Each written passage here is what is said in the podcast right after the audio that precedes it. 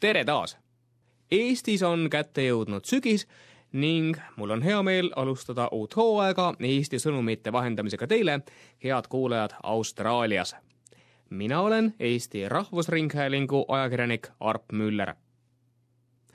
alustan kõige enam Eestis viimastel nädalatel kõneainet pakkunud teemast. esmaspäeval valis Riigikogu kaheksakümne ühe häälega presidendiks Kersti Kaljulaidi Kersti Kaljulaid on neljakümne kuue aastane kõrge euroametnik, kes sai tuule tiibadesse Mart Laari teise valitsuse ajal peaministri majandusnõunikuna. seejärel aga Iru elektrijaama direktorina. viimased kaksteist aastat töötas ta aga Eesti riigi esindajana Euroopa Kontrollikojas Luksemburgis.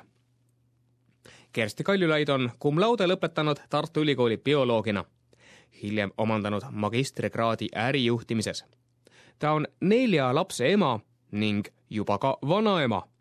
vanemad lapsed on juba kahekümne seitsme ja kahekümne kolme aastased, nooremad seitse ja üksteist. tema abikaasa Rene Maksimovski on erialalt insener, kuid praegu kodune, et võimaldada naisel täielikult oma tööle pühenduda.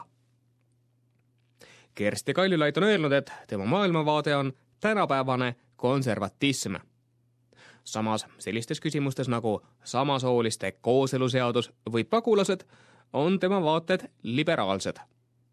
näiteks on ta varem kritiseerinud Eesti valitsuse poliitikat esitleda võimalikult väikest vastuvõetavate pagulaste arvu suure võiduna. ka majanduspoliitikas on ta olnud kriitiline näiteks valitseva Reformierakonna kaitstava ettevõtete reinvesteeritud tulu maksuvabastuse suhtes mis Kaljulaidi hinnangul ei aita Eestit üle saada niinimetatud keskmise sissetuleku lõksust.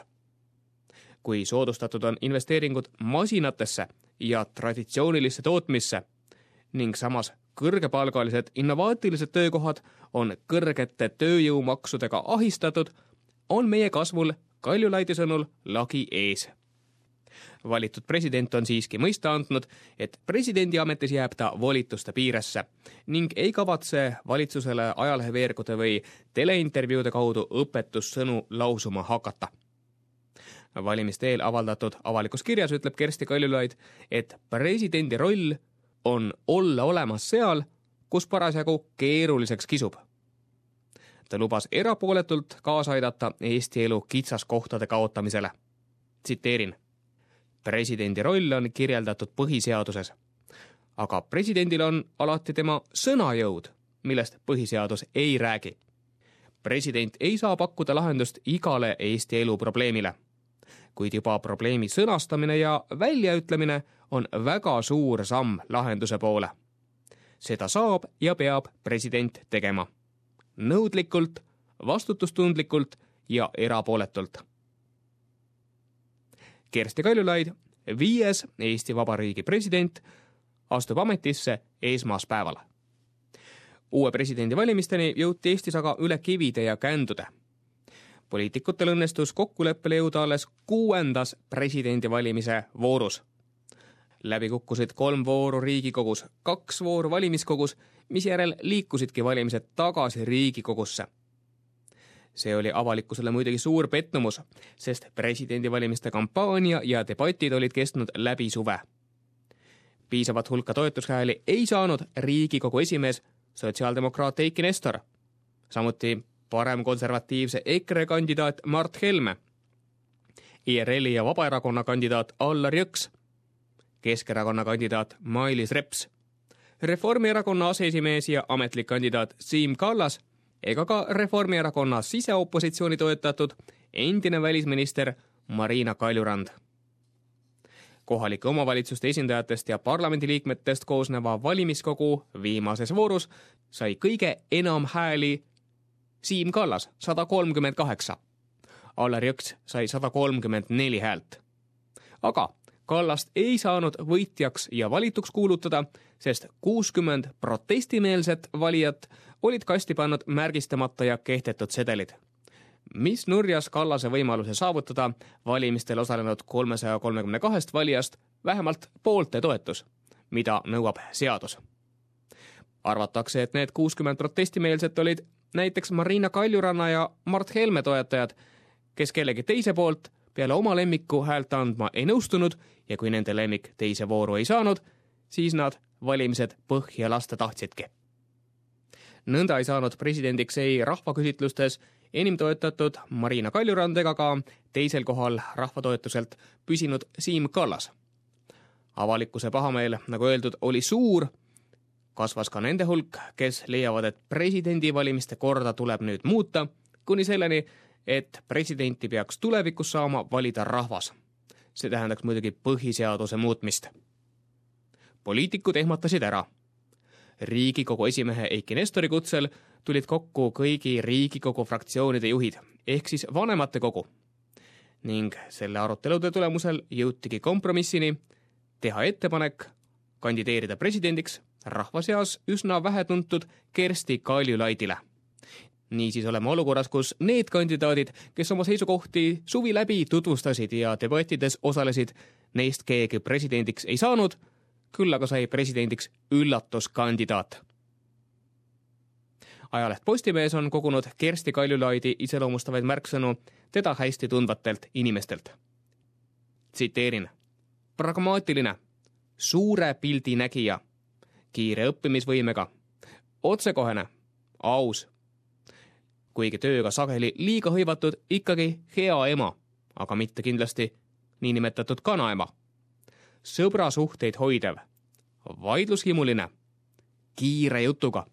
sõbrad imestavad, kui aeglases tempos on Kaljulaid oma presidendikandidaadi intervjuudes sõnu seada suutnud. ninatark tulevik näitab, kas Kersti Kaljulaid suudab minna ka rahvale südamesse igatahes on ta lubanud presidendiks saanuna palju mööda Eestit ringi sõita, inimestega kohtuda ja neid kuulata. aga vahetan teemat. nädala eest neljapäeval avati Tartus Raadil, endisel Nõukogude sõjalennuväljal, Eesti Rahva Muuseumi uus, päris oma maja, mida oli oodatud sada seitse aastat. meenutan veidi ajalugu riik otsustas lõpuks Raadile Eesti Rahva Muuseumi uue peahoone rajada aastal kaks tuhat kolm. kaks tuhat kuus valiti arhitektuurikonkursi võitjaks töö märgusõnaga Memory Field. arhitektideks Liina Kotme Liibanonist, Itaalia päritolu Dan Dorel ja jaapanlane Tsuyoshi Tane. mitte kuskil maailmas ei saaks sellist maja ehitada, sest see on kavandatud ainult Raadile pidades silmas siinseid tingimusi, mälestusi ja Nõukogude aja pärandit sõjalennuvälja näol, on öelnud arhitekt Liina Kotme. muuseumihoone justkui tõukub mahajäetud Nõukogude sõjalennuvälja lennurajalt, tõustes oma kolmesaja viiekümne viie meetrise pikkuse juures kuni viieteistkümne meetri kõrgusele uue hoone ehitustööd Raadil pidid algama kaks tuhat üheksa ja hoone valmis saama kaks tuhat üksteist. raha loodeti saada Euroopa Liidu fondidest see aga ebaõnnestus, sest Brüsselis ei usutud Eesti prognoositud suurt külastajate hulka. seepeale otsustas Eesti peaminister Andrus Ansipi juhtimisel, et me ehitame muuseumi valmis igal juhul, leides raha omaenda eelarvest. nii ka läks laupäeval, esimesel oktoobril, kui muuseum külastajatele avati, ostis pileti tuhat ja viis inimest direktor Tõnis Lukas on prognoosinud, et aastas külastab muuseumi ja ostab pileti sada nelikümmend tuhat inimest. Eesti Rahva Muuseumi külastajate esmamuljed on olnud valdavalt positiivsed. tsiteerin siinkohal Tartu Postimehest kultuuriloolase ja näitekirjaniku Tallinnast pärit Loone Otsa esimesi emotsioone. muljed on väga head. ekspositsioon on moodsalt lahendatud muuseumi eesmärk pole olla konserv. muuseum peab olema missionär. see koht peab rääkima ka laste ja noorte keeles ning seda ERM ka teeb. täiskasvanutelegi on siin palju nutikaid lahendusi. tihti ei pöörata muuseumides tähelepanu lähiajaloole. seda ei peeta veel piisavalt ajalooliseks ajaks. minu suureks rõõmuks pole Eesti Rahva Muuseum seda teed läinud. leidsin näituselt oma vana tuttava Nõukogude ajast pärit puidust voodikapi. see oli väga tore kohtumine. ja muidugi need välismaised kilekotid, mille eest oldi valmis kas või hing ära andma. nii rääkis Postimehele Loone Ots. uue muuseumihoone näituseala oma enam kui kuue tuhande ruutmeetriga on ülekaalukalt Eesti suurim. lõviosa sellest katab Eesti kultuuriloo püsinäitus Kohtumised, mis hõlmab ajateljel tänapäevast jääaja lõpuni kulgevat ajarada ning samuti üht-teist teemanäitust mille hulgas ka omanäoline rahva osalusel valminud näitus ning avatud fond, kus eksponeeritakse järjest muuseumi tähtsamaid kollektsioone tervikuna. loomulikult on Eestis praegu avaliku arutelu all veel mitmeid olulisi teemasid, nagu näiteks järgmise aasta riigieelarve või siis haldusreform teisipäeval arutas Riigikohus nende kahekümne nelja omavalitsuse kaebust, kes pole nõus sellega, et valitsus sundliidab tuleval aastal need väikesed omavalitsused, kes vabatahtlikult pole nõus liituma. jättes sundliidetavad samas ilma ka vabatahtlikele osaks saavatest liitumistoetustest. aga nendel teemadel saan teile kindlasti rääkida ka kahe nädala pärast, sest arutelud alles käivad ja selgust veel pole mina olen Eesti Rahvusringhäälingu ajakirjanik Art Müller. Kuulmiseni